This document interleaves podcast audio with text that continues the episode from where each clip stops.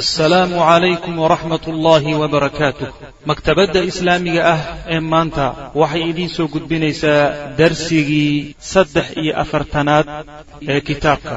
Kitaabu tawxiid lishaykh moxamed ibni cabdilwahaab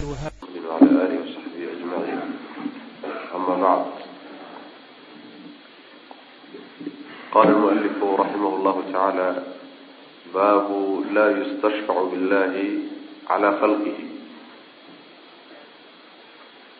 laa yustashfacu lama erga weydiisto billaahi ilaahay erga laguma dalbo calaa falqi khalqigiisa dushiisana laguma dalbo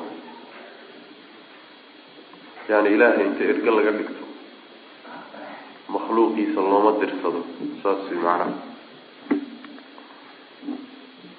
can jubayr bni mucimin jubayr bni mucim waxaa laga warinaya radia allahu canhu qaala inuu yihi jaa acrabiyun. In reebaadiye ayaa yimid. Ila nabiyi sal lla alay slam nabiga ayuu u yimid. Faqaala markaasaa wuxuu yihi yaa rasuula allah rasuulka ilaahay ow nuhikat ilanfusu yani nafafyaalkii way daciifeen way macnaha weydsan weyd iyo caatoobeen way caatoobeen wajaaca waxaa gaajooday alciyaalu caruurtiina waa gaajootay. Wahalakat ilamwaalu xoolihiina waa baaba-een. Ee fastasqi noo roob weydii lanaa anaga. Yani ilaahay roob noo weydii. Maxaa yili fa innaa anagu nastashficu. Waxaanu ergo weydiisanaynaa billaahi ilaah calayka dushaada inuu ilaahay ergo noo noqdo oo nooga nooga ka ergeeyo yaanu ku weydiisan. Wanashfacu wanastashficu leh. Waxaanu ergo weydiisan bika adiga cala allaahi alle. Adiguna inaad ergo noo noqotood ilaahay noo aado yaanu ku weydiisan. Faqaala nabiyu sal lla alay slam nabigu wuxuu yihi subxaana allah allaa nashan oo wax alle waxaan u qalmin oo dhan ka hufan. Subxaana allah allaa nashan oo hufan. Famaa yazaalu ma uun ka zuulin nabigu sal lla alay slam yusabixu inuu tasbiixsanayo oo uu ku celcelinayo ereygaas. Xataa curifa ilaa laga gartay dalika arrinkaa fii wujuuhi asxaabihi asxaabtiisa wejigooda ilaa laga gartay. Yani way dareen qaadeen. Ilaa wejigoodu yani isbeddel laga gartay ayuu nabigu sal alay slam ku celcelinayay uma qaala nabigu wuxu uhi sal alay slam wayxaka ooggaage od inkaarme oo kale wey atadri ma og tahay ma allah alla wuxuu yahay mataqaanaa? Ina sha'na allahi ilaahay arrinkiisu acdamu waa ka wan yahay min daka min dalika kaas hadalka aada sheegayso hadal ilaahay u qalmo ma aha. In ilaahay erge laga dhigto makhluuqiisa loo dirsadaayo intaa alle waa ka wan yahay arrinkiisu inahu laa yustashfacu lama ergo weydiisto billaahi alle calaa axadin cidna looma ergo weydiisto rawaha waxaa wariyay xadiidka abu daawuud baa wariyey abu daawuud iyo ibnu khusayma iyo ajuri iyo rag fara badan baa xadiidka warinaya xadiidkuna sanadkiisu waa daciif oo waxaa ku jira ninkii loodhan jiray maxamed ibnu isxaaq oo mudallis ah ayaa sanadkiisa ku jira meel uu ku caddeeyey samaac ama taxdiidna duruqda laguma hayo. Saa daraadda xadiidka waxaa ku jira tadliis ibnu isxaaq baa ku jira. Tadliiskuna xadiidku saasoo kale ku sameeyana waa daciif wey macnaha sanad ahaan. Xadiidku marka wuxuu leeyahay ama baabka sheekhu u baabaystay laa yustashfacu billahi calaa khalqihi. Macnaheedu waxa weeye astashficu bika waxa weeye ergaan kuu dirsanaya ruuxa markaad cid uu weji kugu weji dhaamo oo uu agtiisa kaaga fiican yahay markaad u dirsanayso oo dantaadii hawshaada u sii dhiibanayso ayaa horta shafaacada la yidhaahda macnaha shafcigana asalkiisa waxaa laga keenay ladhida la yidhahda laba shay marka laysku laro ayaa shafaacada la yidhahda macnaheedu waxa weye aniga codsigaydii codsigaaga intaad ku lamaaniso meeshaa ii geeway marka. Meeshaa ii geeway. Hebel erge iigu noqo oo iigu tag oo waxaa iiga soo dhamee shafaacada saasa la yidhahda marka ilaahay subxaana wa tacaala hadalkan ah yani ninka acraabiga uu ku hadli doono sheekuna baabka uu ka dhigtay laa yustashfacu billahi calaa khalqihi. Macnaha ninkan acraabiga ah ee rebaadiyaha ah yaa wuxuu ka dhigay ilaahay subxaana wa tacaala yaanu dirsanayna oonu erge ahaan u dirsanayna yaa loo dirsanaya ilahi subxana wa tacaala. Nebigaanu u dirsanayna?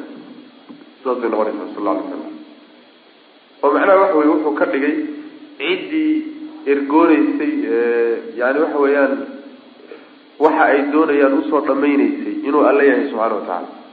Yuu wax ka soo dhamaynaya uu erge ahaan ugu tegaya nebiga salawatullahi waslamu caleyh waa macno marka dabagedisan way macno khaldan waayo nebiga salawatullahi wasalaamu caleyh ergo loo dirsadaa oo isagaa alla loo diraa subxaana wa tacaala. Inuu ilaahay ducadaada iyo baryadaada baryadiisa intuu kuugu lamaaniyo waxaad doonaysa ilaahay kuu weydiiyo subxana wa tacaala. Laakiin ilaahay makhluuqiisa inuu qaar ka mida aado oo hebel waxaa u dhame yidhaah oo addoommada ilaahay wax u weydii yidhaahdaa waa macnaha aan dhici karin wey macna ninka reebaadiyaha marka macnuhu ku hadlay macnahaas wey macna ilaahay subxaana wa tacaala nin yani uu wax u yani wax u raadsan oo makhluuqiisa kamida ama ergo uu unoqonaya ma uu jiro macnaha. Waa boqorkaa buuxa. Ee awoodiisu buuxdo ee wax walba gacantiisa ay ku jirto. Ee loo wada baahan yahay isaguna addoommadiisa ka kaaftooma waayo. Sidaa daraaddeed lafdiga iyo macnuhuba waa khalad. Ayib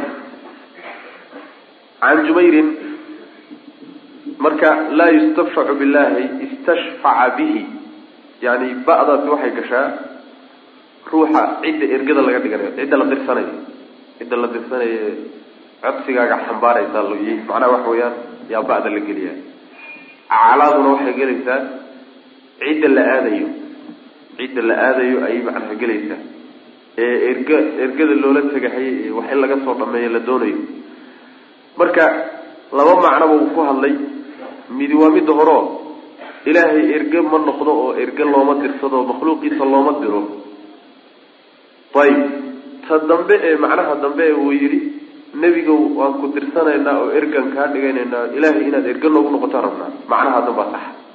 Macnaha dambaa saxo. Nebiga salawatullhi wasalaamu calayh maadaama uu ilaahay agtiisa addoommada wan wanaagsan ee rusushiisa ee fadliga badan uu ka mid yahay in ilaahay noo bari la yidhaahdo oo ilaahay noo weydii la yidhahdo oo ilaahay erge noogu noqon la yidhahdo oo cabsiga naga ilaahay u gudbi la yidhaahdo macnaheedu waxa weeyaan sax wey macnaha. Macnahaasi waa sax. Saa daraaddeed nebigu kama hadlin sal alay slam ta hore ee unbuu saxay.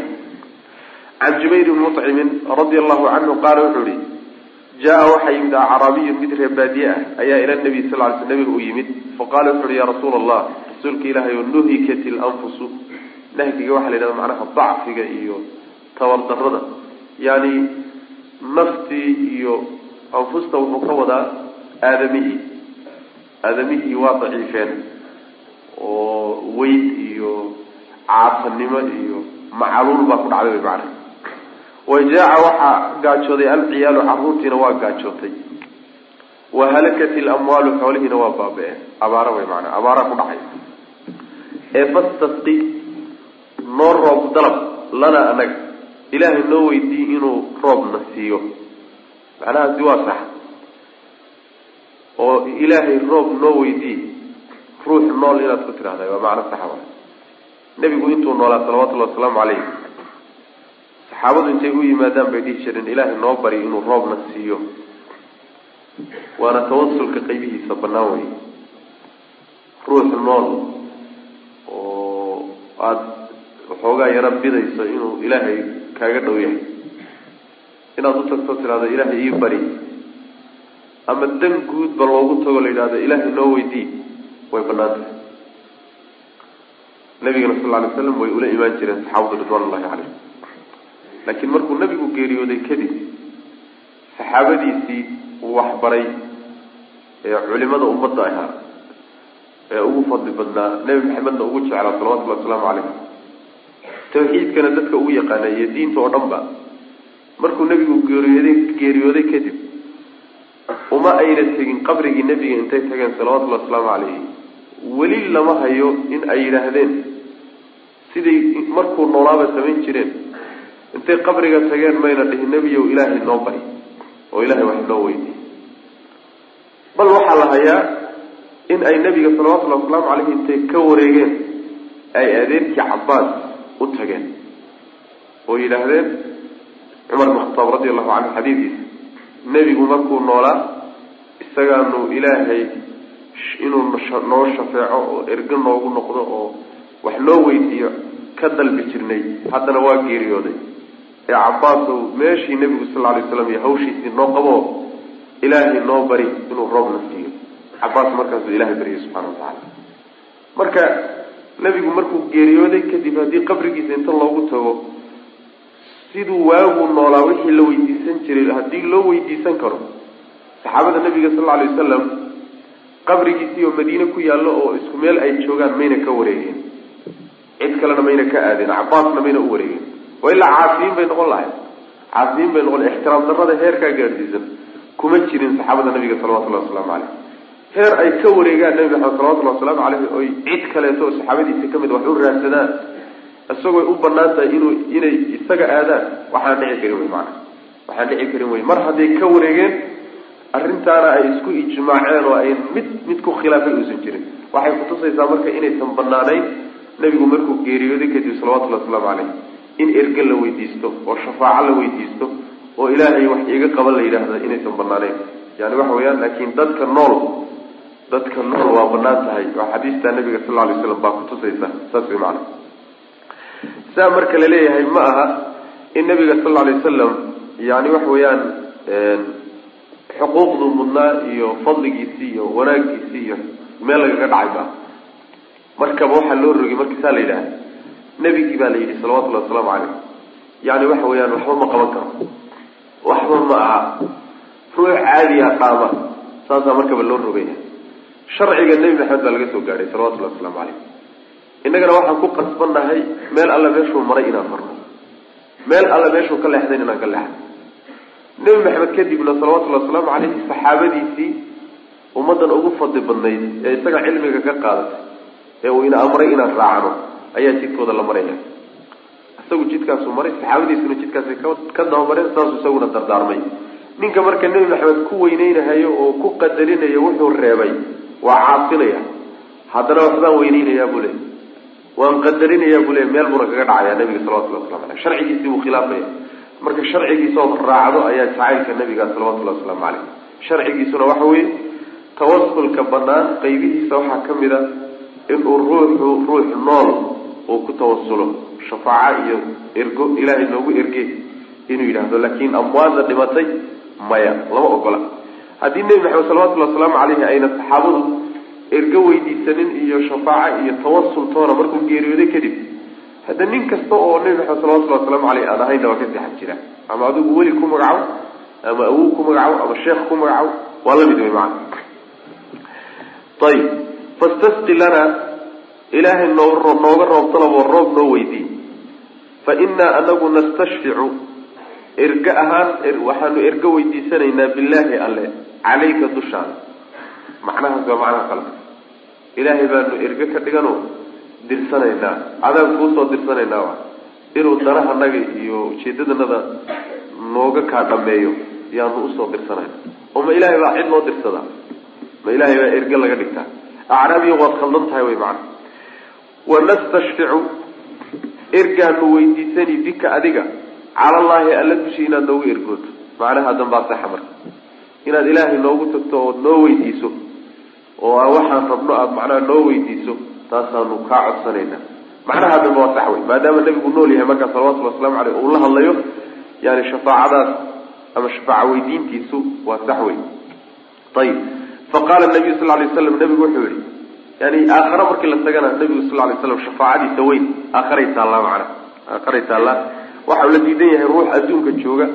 Nebiga salawatullahi wasalaamu caleyh inuu yidhaahdo nebi allow shafaacan ku weydiisanaya. Ilahay baa shafaacada kulligeed uu gacantiisa ku jirta qul lilahi shafaacatu jamiican waynu soo marnay. Shafaacada dhan ilahay gacantiisa ku jirta subxaana watacaala nebigu marka salawatullahi wasalamu aleyh aakhare marka la tagana wuu ergeyn doonaayo wuu shafeeci doonaa. Shafaaca shafaacada weyn ee makhluuqaadka oo dhan iyo shafeecooyin kaleo khaasay uu shafeeci doonaa nabigu sal lay slam laakiin waxaa khalada in la yidhaahdo nebiyow ii shafeec oo isaga la weydiistaa khalad in ilaahay la weydiisto wey subxana wa tacala ayib faqaala nabiyu sal lay slam nabigu wuxuu ihi subxaana allah ilaahay baa nazahan subxaana allah ilaahay baa nazahan yani hadalkaa ah inaa nastashficu billahi calayka. Hadalkaasuu nabigu sal lay slam ilaahay ka hufaya. Waa hadalan ilaahay u qalmin. Hadal qallooca wey macnaha oo waxoogaa ay ka muuqato yani habboonaan la'aan baa ka muuqata famaa yazaalu muusan ka zuuli nabigu sal lay waslam yusabixu inuu tasbixsanayo oo ku celcelinayo subxaana allah xataa curifa ilaa la gartay dalika arrinkaa fii wujuuhi asxaabihi asxaabtiisa wejiyadooda ilaa laga gartay yani dareenka ay qaadeen nebigay ka garteen salawatullahi wasalaamu caleyh ayaga markay garteen la dareenkiibay qaadeen wejigooda marka tarjamay uma qaala wuxu uhi nabigu sal lay slam wayxaka inkaarme atadri ma og tahay ma allahu war alla wuxuu yahay ma taqaanaa? Ilaah aqoon daridaa wey macnaha ma ilaahay baa addoommadiisa loo dirsadaa. Ina sha'na allaha ilaahay arrinkiisa iyo xaalkiisu acdamu waa ka wenyahay min dalika arrinkaa inuu addoommadiisa qaar ka mida ergo ugu tago ilahay arrinkiisa waa ka wenyahay inahu laa yustashfacu erge lama weydiisto billahi ilahi calaa axadin cidna dushiisa erge looguma weydiisto cidna looma dirsado ilaah erge iigu tag. Ilahay lama yidhahdo subxana wa tacala rawahu abu daawuud baa wariyey. Macnaha waxay ka dhigan tahay oo kaleeto walilahi almathalu laclaa tusaale macnaha tawdiixi ah. Adoo mid miskiin oo meelaha jooga oo kaleeto intaad u tagtay madaxweynaha u tagtay. Aad tidhi oo kaleeto hebel iigu tag. Hebel iigu tago. Dantaasaan ka leeyahay iiga soo dhammey soo edab darro kuma ah. Hadal anshaxuma ah waay. Mid raciyadiisa ka mid oo faqiir oo isaga mulkigiisa hoos yimaado oo suu doono ugu talin karo oo hadduu doono xidi karo oo xoolihiisa ka qaadan karo amar uu siiyo keliyata ku filan haddaad tidhaahdo erge iigu tago bal ninkaas wax iiga soo dhammeen madaxweyne haddaad ula tagto. Maxaa lagaa fahmaya? Inaadan qadarkii iyo awooddii madaxweynahaba aadan ixtiraamsanayn soo lagaa fahmi maayo saasun baa ka soo baxay. Hadalka marka kaasoo kalea ka muuqda. Walilahi almathalu laclaa laakiin waa tusaale tawdiixi awa cidda boqortooyada buuxda iyo awoodda buuxda iyo mulkigiisu gacanta ku jiro. Mid faqiir oo waxba haysanin oo miskiina looma dira wey macana oo wax iiga soo dhameen lama yidhaha. Hadalka caraabigu saas wey marka fiihi masaa'il baabkan masaa'il dhowraa ku jirta alula masalada koowaad waxa weeye. Inkaaruhu nabiga diidadiisa salawatullahi wasalaamu caleyhi calaa man cid dusheed uu inkiray qaala yidhi nastashficu billahi calayka. Nebi o allah nuu erge weydiisano inuu noo ergeeyo caleyka dushaada nooga ergeeyo athaaniyatu masalada labaad waxa weeye tagayuruhu isbedelkiisa tagayuran isbeddel uu isbedelay nebigu sal lay slam isbedelkaasoo curifa la gartay fii wujuuhi asxaabihi asxaabtida wejiyadooda laga gartay min hadihi lkelimati kelimadaa xaggeedana uu iska bedelay yani maqalka uu kelimadaa maqlay ayuu nebigu isbedelay sal lay slam maxaa yele haduu cadhoodo wejigiisaa laga garan jiray nebiga sal lay slam marka wuu isbedelay isbeddel weliba saxaabadiisu dareemeen oo iyaguna isla bedeleen buu nabigu isbedelay sal lay wasalam aad buu nabigu sal lay slam waxyaalaha munkaraadka ah iyo hadallada xunxune sharciga khilaafsan markuu arko. Waa ka xumaan jira nabigu aad buu uga xanaaqi jiray salawatullahi wasalaamu caleyh uma dulqaadan jirin. Athaalithatu masalada saddexaadi waxa weeye. Annahu nabigu lam yunkir calayhi ma uusan ku diidin. Qawluhu ninka odhahdiisii muusan ku diidin. Nastashficu billahi bika cala llahi nastashficu bika. Adaanu erge kaa dhigananaa nebigo calallaahi alla dushiisaan erge kaaga dhiganay adaanu ku dirsan. Oo inaad erge noo noqotood ilaahay aada baahidanada noogu geysood noo weydiiso wax. Yaanu kuu dirsanayna taas lama diidin. Maxaa yele waa bannaan tahay macnaha. Way bannaan tahay. Waxaa kaleeto nebiga khaas kuma ahe salawatullahi wasalaamu caleyh cid walba oo fadli iyo wanaag la bidayo oo noolo ah haddana nool oon geeriyoonin ayay ku bannaan tahay macnaha. Araabicatu masalada afraadi waxa weye atanbiihu baraarujin la baraarujiyo calaa tafsiiri subxaana allah subxaana allahi tafsiirkeedoo la baraarujiyo oo maxay tahay? Ilaahay baa waxaan wix alla wixii ceeb ah iyo dhimanaan iyo naqsi ah. Ilaahay baa ka hufan oo ka fog wey macnaha maxaa yeelay ninka acraabiga ah markuu hadal aan ilaahay u qalbin yihi yuu nebigu subxaana allah yidhi. Macnaha subxana allahi waxay meesha ka saaraysaa ka acraabiga hadalkuu yidhi iyo hadallada lamidkaa ilahi subxana watacala uma qalmaan way macna marka waa kelimo weyneyn iyo qadarin loo yidhaahdo alkhaamisatu masalada shanaadi waxa wey ana almuslimiina muslimiinta yas'aluunahu sal alay slam nabiga waxay weydiisanayaan alistisqaaa roob dalab. Inuu ilaahay roob u weydiiyo roob u roob doono.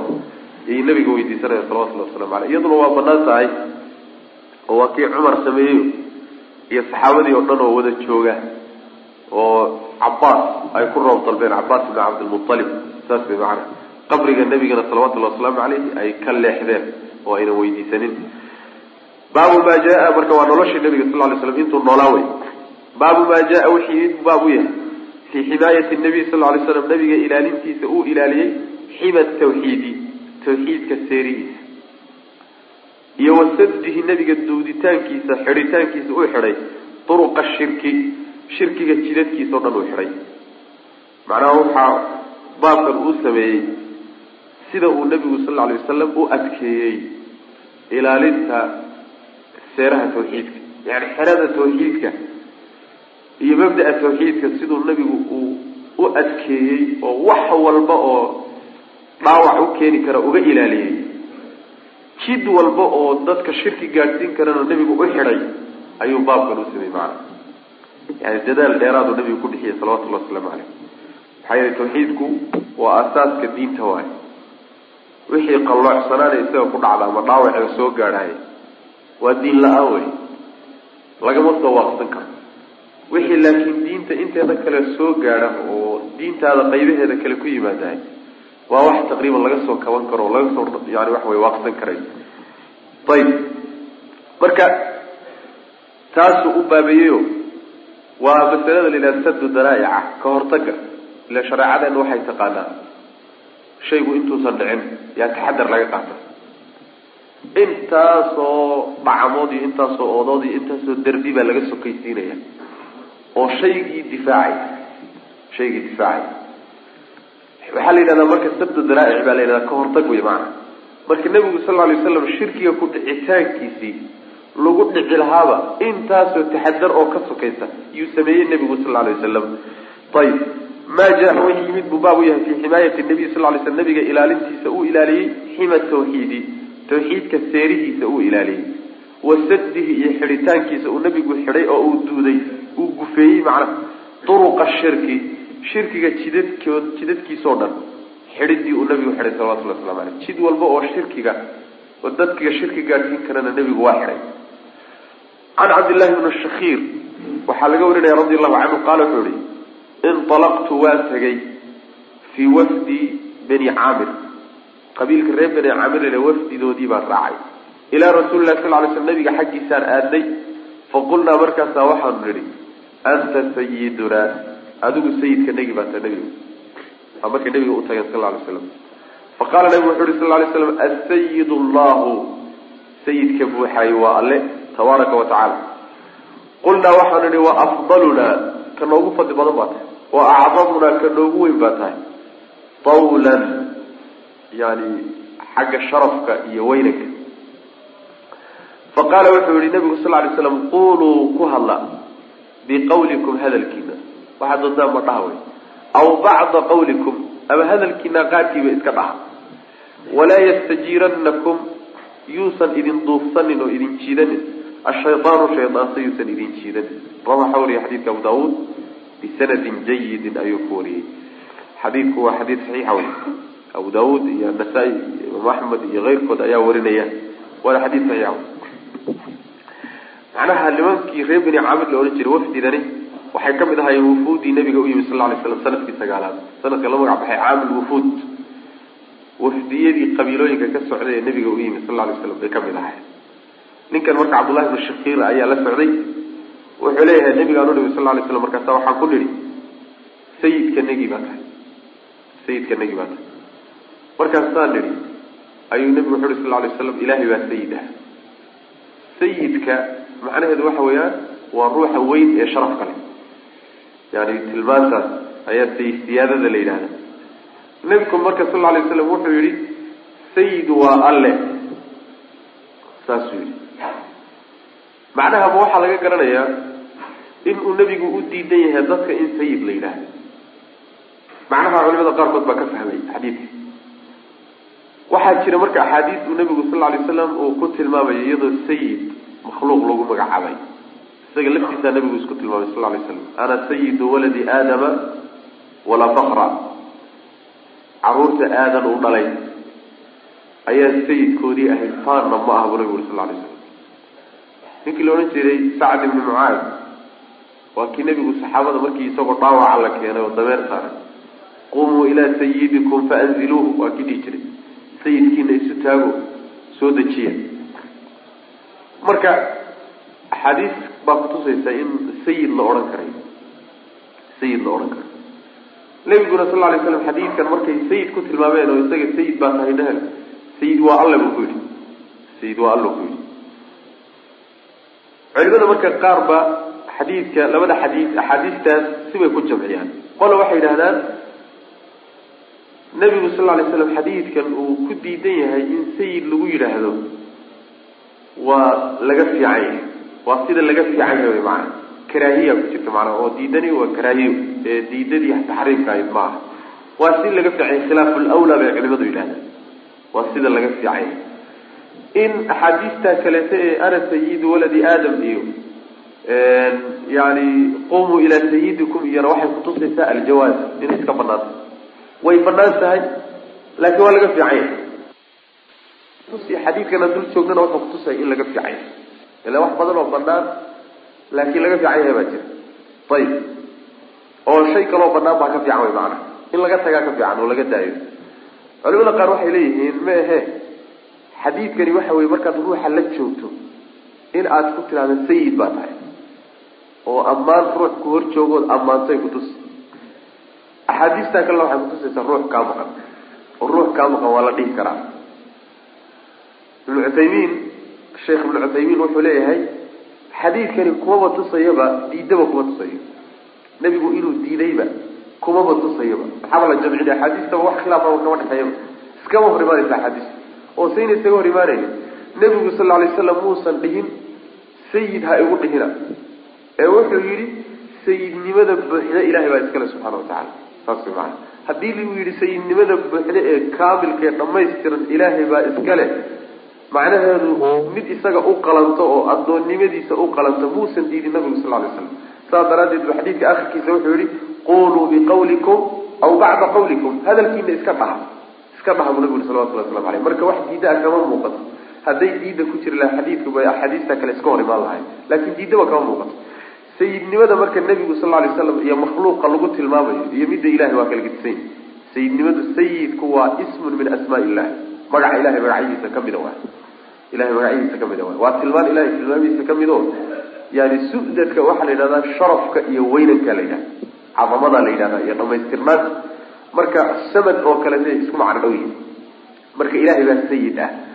Sayidnimada ilahay marka waa mid buuxda oo kala dhimaneen ta makhluuquse waa mid kala dhiman. Saasay ku kala gedisayn maana sayidnimada mar hadduu marka sayidnimadu sidaa tahay waxaan la ogolayn in munaafaqa iyo gaalka sayid lagu yidhaha nabigu sal lay slam wuxuu yihi laa taqulu lilmunaafiqi sayid munaafiqa sayid ha ku odhan maxaa yeelay haddaad sayid munaafaqa ku dhahdaan ilahay baad ka cadhaysiiseen buu nabigu yihi salawatullah waslamu caleyh saas maana aad bay hadda u badan tahay weliba dadkan dawladaha iyo yani dawaawiinta dawladaha iyo idaacadaha dawladaha iyo kulli gaalada markay ka hadlayaan kelimatu sayid baa loo isticmaalaa.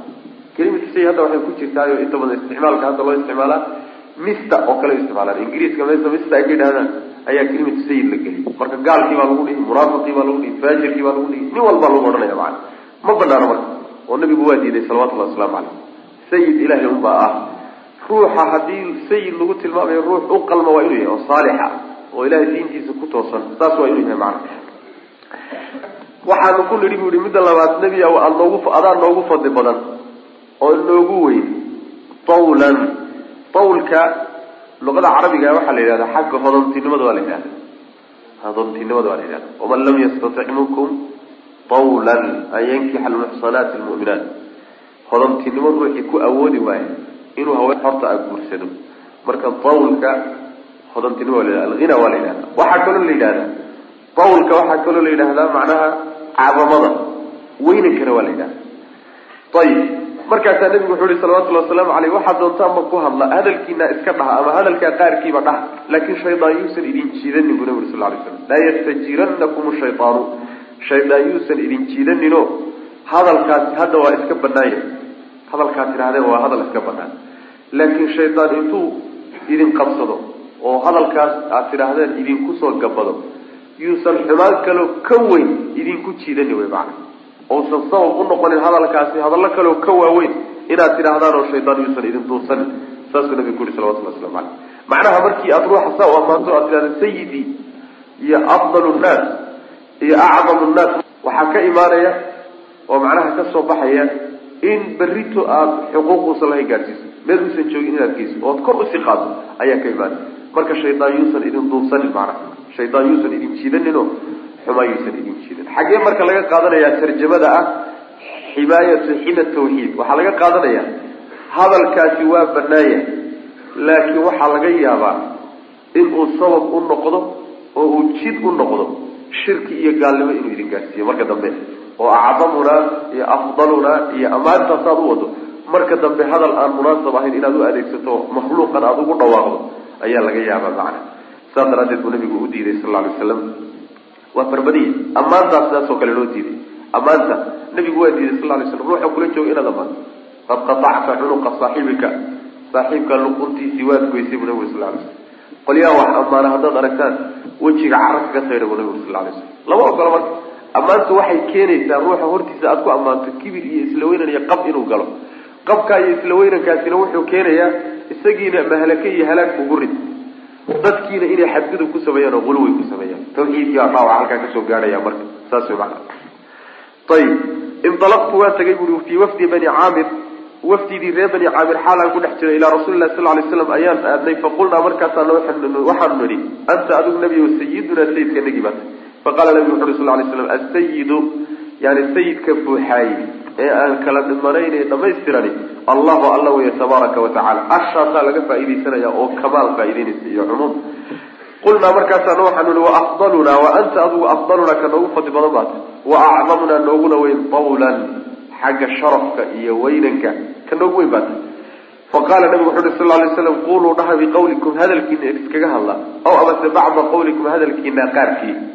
Wala waa shaki waay shaki raawiga way maca hadalkuu nabigu yiri buu ka shakiyey walaa yastajiiranakum yuusan idin jiidanin ashaydaanu shaydaan yuusan idin jiidanin leanna shaydaan waxa way sidiisaba markuu doonayo inuu dembiga kugu rido shay jaa-is oo iska banaan buu marka hore kuugu soo gaban shaygii iska banaanaa markuu ku soo geliyo haddana shay laga yaro fiicanya yuu ku riixi shaygaa laga yaro fiicanya laakiin iska banaan markuu haddana uu ku geeyo tilaabada saddexaad ee uu kuu qaadayo waxa weye dembi yar dembi yar buu haddana xaggiisa ku riixi dembigii yara markuu ku geliyo ku weyn baa ku xiga. Kaa weyn maxaa ku xiga? Shirki baa ku xiga. Ilaa gaalnimo uu ku gaarsiiyo. In yar in yar tilaabo tilaabuu kuu kaxaynaya macana laa yastajiiranakum shaytaan marka saas wey rawahu abu daawuud baa wariye xadiidka bisanadin buu ku jayidin oo wanaagsan. Wa anasin. Anas waxaa laga warinaya radi allahu canhu ana naasan dad ayaa qaaluu waxay dhaheen ya rasuul allah rasuulka ilaahay yaa rasuul allah rasuulka ilaahayow yaa khayranaa kii noogu khayr badnaayo wabna khayrina. Ka noogu khayr badan wiilkiisa ahaayo. Wa sayidanaa sayidka negiyow wabna sayidina sayidka naga wiilkiisa ahaayo. Faqaala nabigu wuxu uhi sal alay waslam yaa ayuha nnaasu dadow quluu waxaad tidhahdaan biqawlikum hadalkiina iska dhaxway macana walaa yastah walaa yastahwiyanakum shaydaanu shaydaano yuusan idin duufsanin ana anigu muxamedun baan ahay cabdullaahi addoonkii ilaahay baan ahay warasuuluhu iyo rasuulkiisa. Maa uxibu ma jecli buu nabigu uri sal lay slam an tarfacuunii inaad kor ii qaadaan fawqa manzilatii booskaygii meel ka sarraysa inaad i gaadhisaan allatii booskaasoo anzalanii allahu ilaahay u idejiyey caza wajalla meeshii ilaahay idhigay meel ka sarraysa inaad i geysaan. Raalli kama ihi buu nabigu uri sal lay slam mana jecli sidaa daraaddeed iga daaya macnaha. Waxay ku yidhahdeen rasuulkii ilaahayow kii noogu khayr badnaayow ka noogu khayr badan wiilkiisiiyow aradaas idhi jira. Markay ruuxa ammaanayaan isaga keliya ammaanta mayna ku gaabsan jirin awowyadii iyo aabayaashii bay la ammaani jireen. Marka kii noogu khayr badnaa aabihiina dad ugu khayr badnaa. Oo aabihii gaal buuba ahay see dad ugu khayr badanya sayidka negiyow sayidkana wiilkiisa ahaayo macnaha isaguna waa sayid aabihiina sayid buu ah aabahana sayid bu ah saasay ku yidhahdeen markaasaa nebigu wuxu uhi sal lay sl dadow hadalkaa doon hadalkiina ku hadla shaydaanse yuusan idin duubsaninoo yuusan idin luminin. Oo hadalka aada tidhaahdeen iyo ammaantaas yuusan inaad xadgudub ku samaysaan yuusan macnaha idinku kalifin anugu waxaan ahay maxamed baan ahay magacaygu waa kaa. Addoon ilaahay baan ahay rasuulkiisina waan ahay. Haddaad tilmaantayda doonaysaan waxaan ahay addoon ilaahay ma dhaasiisay rasuul ilaahay baan ahay oo ilaahay baa isoo dirsaday. Magacaygana maxamed baa la yidhahda intaa igu daaya bu nabigu leh salawatullahi waslamu caleyh soomaynta soo marin. Laa tatrunii kamaa atrat inasaara ciisa bna maryam. Ha igu xadgudbina say kristanku ugu xadgudbeen nabiy llaahi ciisa calayhi salaam. Faquluu cabdullahi warasuuluh inamaa ana cabdullahi warasuuluh faquluu cabdullahi warasuuluh anigu addoon ilaahay iyo rasuulkiisaan ahaye ammaanta markaad i ammaanaysaan addoonkii ilaahay iyo rasuulkiisa i dhah intaa ha dhaafinina macnaadaas intaas ma jecli buu nabi uri sal lay slam meel ilaahay ii dhigay iyo booskii ilaahay raalliga iiga noqday inaad iga sarraysiisaan ha iga saramarinina bu nabi uri salawatullah waslamu caleyh saas way macana marka waa addoon ilaahay waxaa u dheer rasuulnimo oo ilaahay baa soo dirsay subxana wa tacala ilaahay baa jeclaaday addoommada ilahayna waa ugu khayr badan yahay. Waana ugu fadli badan yahay. Sayidkoodiina waa yahay. Siduu isaguba isku sheegay nabigu sal lay waslam laakiin saxaabada wuxuu u diidayaa hadalkaas.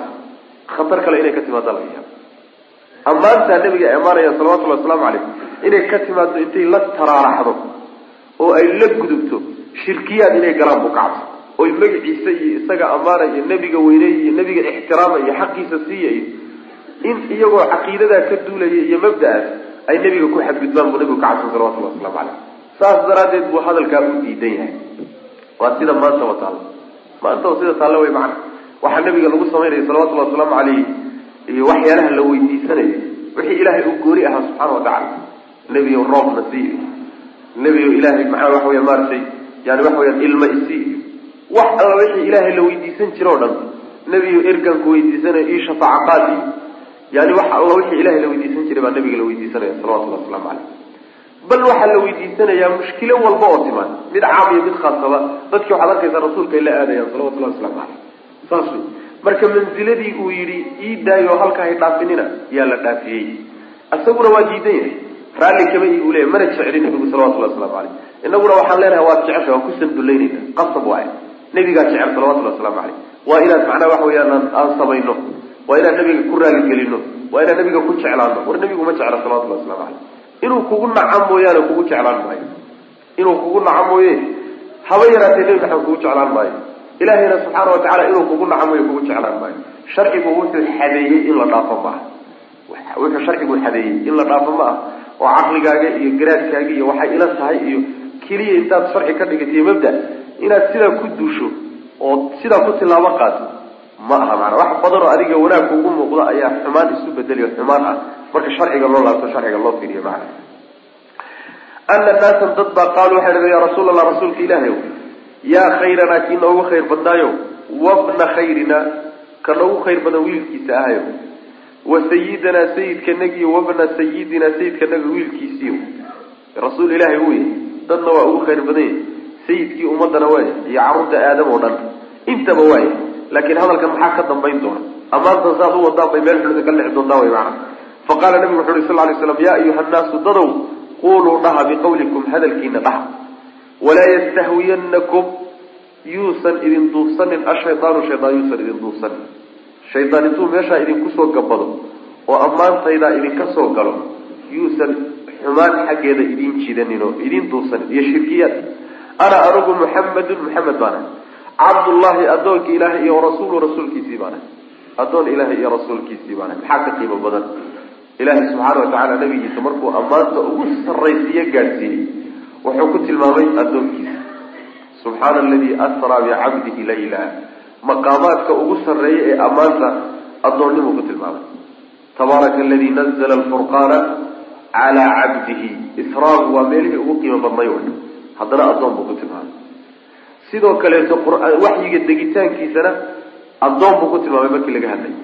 Addoonnimadu marka meesha ugu sarraysa la gaadho way maana ruuxba ruuxuu ilaahay uga addoonsan yahay uga daaca badan yahay ayuu ilaahay uga dhow yahay. Addoommadana inteeda kaleeta kaga qiimo badan yahay mana ayib maa uxibu ma jecli buu nabi uri sal lay slam an tarfacuunii in aad kor inaad kor ii qaadaan ood i kor yeeshaan fawqa manzilatii booskayga meel ka sarraysa allatii booskaasoo anzalanii allahu ilaahay igu dejiyey caza wajalla meeshuu ilaahay idhigay meel ka sarraysa inaad kor iigu qaadaan ma jecli buu nabi uri salawatullah waslamu caleyh oo maxay tahay? Waa addoon ilaah iyo rasuulkiisa meeshaasuu ilahay dhigay subxana wa tacala haddana sifaadka kamaalka ee makhluuqa laa-iqa u qalma haddana laga wada helay nabiga salawatullahi waslamu caleyh oo wuu lahaa. Laakiin ammaanta iyo sheegsheega iyo waxaas dhib kaleeta inay keensadaan baa laga yaaba oo min baabi sadi daraa'ic ayuu nabigu u diidan yahay sal ly slam ka hortag uu ummadda shirki inay ku dhacdo uu ka hortegayo macana rawaha waxaa wariye xadiidka annasa-iy baa wariyay bisanadin jayidin sanad wanaagsan ayuu ku wariyey ayib fiihi masaa'il baabka masaa'il baa ku jirta. Alula masalada koowaad waxa weeye taxdiiru nnaasi dadkii oo looga digo min alguluwi xadgudubka looga digo. Waynu soo marnay baab lghuluwi xadgudubka shaygu xaduu leeyahay oo la gudbiyo oo la tilaabiyo oo dadka looga digo. Ayib oo hadda maxaa ka mid ah? Waxaa ka mid a nebiga salawatullahi wasalaamu calayhi xad buu leeyahay. Allana subxaanahu watacaala xuquuq iyo khasaa'is buu leeyahay. Xaddii uu nebigu lahaa sal lay slam oo la tilaabiyo oo la gudbiyo oo laga kor kor looga qaado waxaa la gelinayaa marka ilahi subxana wa tacala khasaa'istiisi iyo xuquuqdiisii baa la siin. Waa sida hadda taallo way macana xuquuqda ilahay uu lahaa. Xad buu leeyahay xuquuqna waa leeyahay nebigu sal lay slam xuquuqdiisa iyo xaddiisa ayaa la gudbinay. Ilaahayna xuquuq buu leeyahay khasaa'is buu leeyahay. Tiisa yaan cidna laga siin. Mu'miniinta caadiga ah iyo dadka culimada ah iyo madaxda iyo awliyaduna xuquuq bay leeyihiin. Xuquuqdooda ay leeyihiin ha la siiyo. Yaan la isku wixii marka yaan la isku darin. Haddiise laakiin tii ilaahay subxaana wa tacaala isa la soo qaado makhluuqaadka iyo addoommada qaar ka mida la siiyo haddana la yidhahdo waa lagu maamuushayaayo waa lagu qadarinhaya ka waran baryada ilahay baa iskale subxana wa tacala haddaad rasuul weydiisato ama aada weli weydiisatahay xaqi ilaahay lahaabaad makhluuqiisa siisa ma waxaa haboon marka xaq ilaahay subxaana wa tacaala oo cid kale la siinaya in loo doodo oo war ka daaya la yidhahdo mise kii xaqa la siiyey in haddana lagu garab istaago oo markii war ka daaya la yidhahdo la yidhahdo maye yani waxa weeyaan awliyadaan la ogolayn. Rasuulkii baa la yaso meel lagaga dhacay. Kana la sameeyey. Waa khalad waay. Xuquuq aynan lahayn baad siiseen. Rabbi baa iskale xuquuqda subxana wa tacala ciddii iskale ha loo daayo cid walbana meeshiisa hala dhigo wey maana saasuu ilahi wax uqaybiyey subxana wa athaaniyatu masalada labaadi waxa weeye maa yanbagii waxa haboon an yaquula inuu yidhaahdo man qiila ciddii lagu yidhi lahu isaga anta sayiduna sayidkanagii baa tahay haddii lagu yidhaahdo maxaa kugu haboon inaad ku jawaabto? Asayid allah saa inaad tiradaa fiican. Ilahay baa sayidnimada buuxda iskale wey maana athaalidatu masalada saddexaad waxa weye qawluhu odhaahdiisa nabigu yuri sal lay slam laa yastajiiranakum shaytaanu. Shaydaan yuusan idin jiidanin oo xumaan xaggeed yuusan idin jiidin wey maca anahum ayadoo weliba aynan lam yaquluu aynan dhihin ila alxaqa xaq mooye. Waxay ku hadleen waa xaq oo wax xumaana kumayna hadleen. Oo nabigu waa sayid salawatullahi waslamu caleyh waa khayru nnaas oo waa afdalu nnaas oo waa acdamu nnaas intay sheegeenba waa xaq. Haddana maca dalika nabigu wuxuu leeya shaytaan yuusan idin jiidan. Xagay ka imaanaysaa shaydaan jiidashadu. Shaydaan jiidashadu waxa weye shaydaanku wax xaq oo banaan oo jaa-is ah. Yaa laga yaabaa inuu kugu soo gabado sabab intuu kaaga dhigto inuu kugu leexsado macna saas maana marka meesha shaydaan yuusan idin ku soo gabanin yuusan gabaad idinka dhiganin wey maana ammaantan iyo sheegsheegan faraha badan. Alraabicatu masalada afraadi waxa weye qawluhu nabiga odhahdiisa uu yidhi maa uxibu ma jecli an tarfacuunii inaad kor ii qaadaan fawqa manzilatii manziladayda meel ka sarraysa inaad kor iigu qaadaan. Ma jecli uu yidhi wy maana hadduusan nebi maxamed jeclayn salawatullhi waslamu aleyh inaguna ma jeclin. Inaguna ma jecla ficlan saas ilahayna ma jecla subxana wa tacala allana ma jecla nabigiisana ma jecla makhluuqaadkiisi iyo addoommadiisi wanaagsan ee culimaduna ma jecla. Sidaa daraaddeed wuxuusan nebigu jeclayn yaan lagu sandulaynin waxaanu ilaahay jeclayna yaan lala imaanin. Ee in kuntum tuxibuuna allaha fattabicuuni haddaad ilaahay jeceshihiin oo rasuulkiisa jeceshihiin nebiga raaca salawatullahi waslamu caleyh oo axaadiistiisa iyo qur'aanka intaad barataan ku dhaqma jacaylka daliilkiisa jacaylka saxda ah daliilkiisu waa kaa hada wabilahi tawfiiq sala allahuma waslama cala nabiyina muxamedi walaalayaal darsigaani halkaas ayuu ku eg yahay. Allah tabaaraka wa tacaala waxaan ka baryaynaa inuu nagu anfaco. Assalaamu calaykum waraxmat ullaahi wbarakaatuh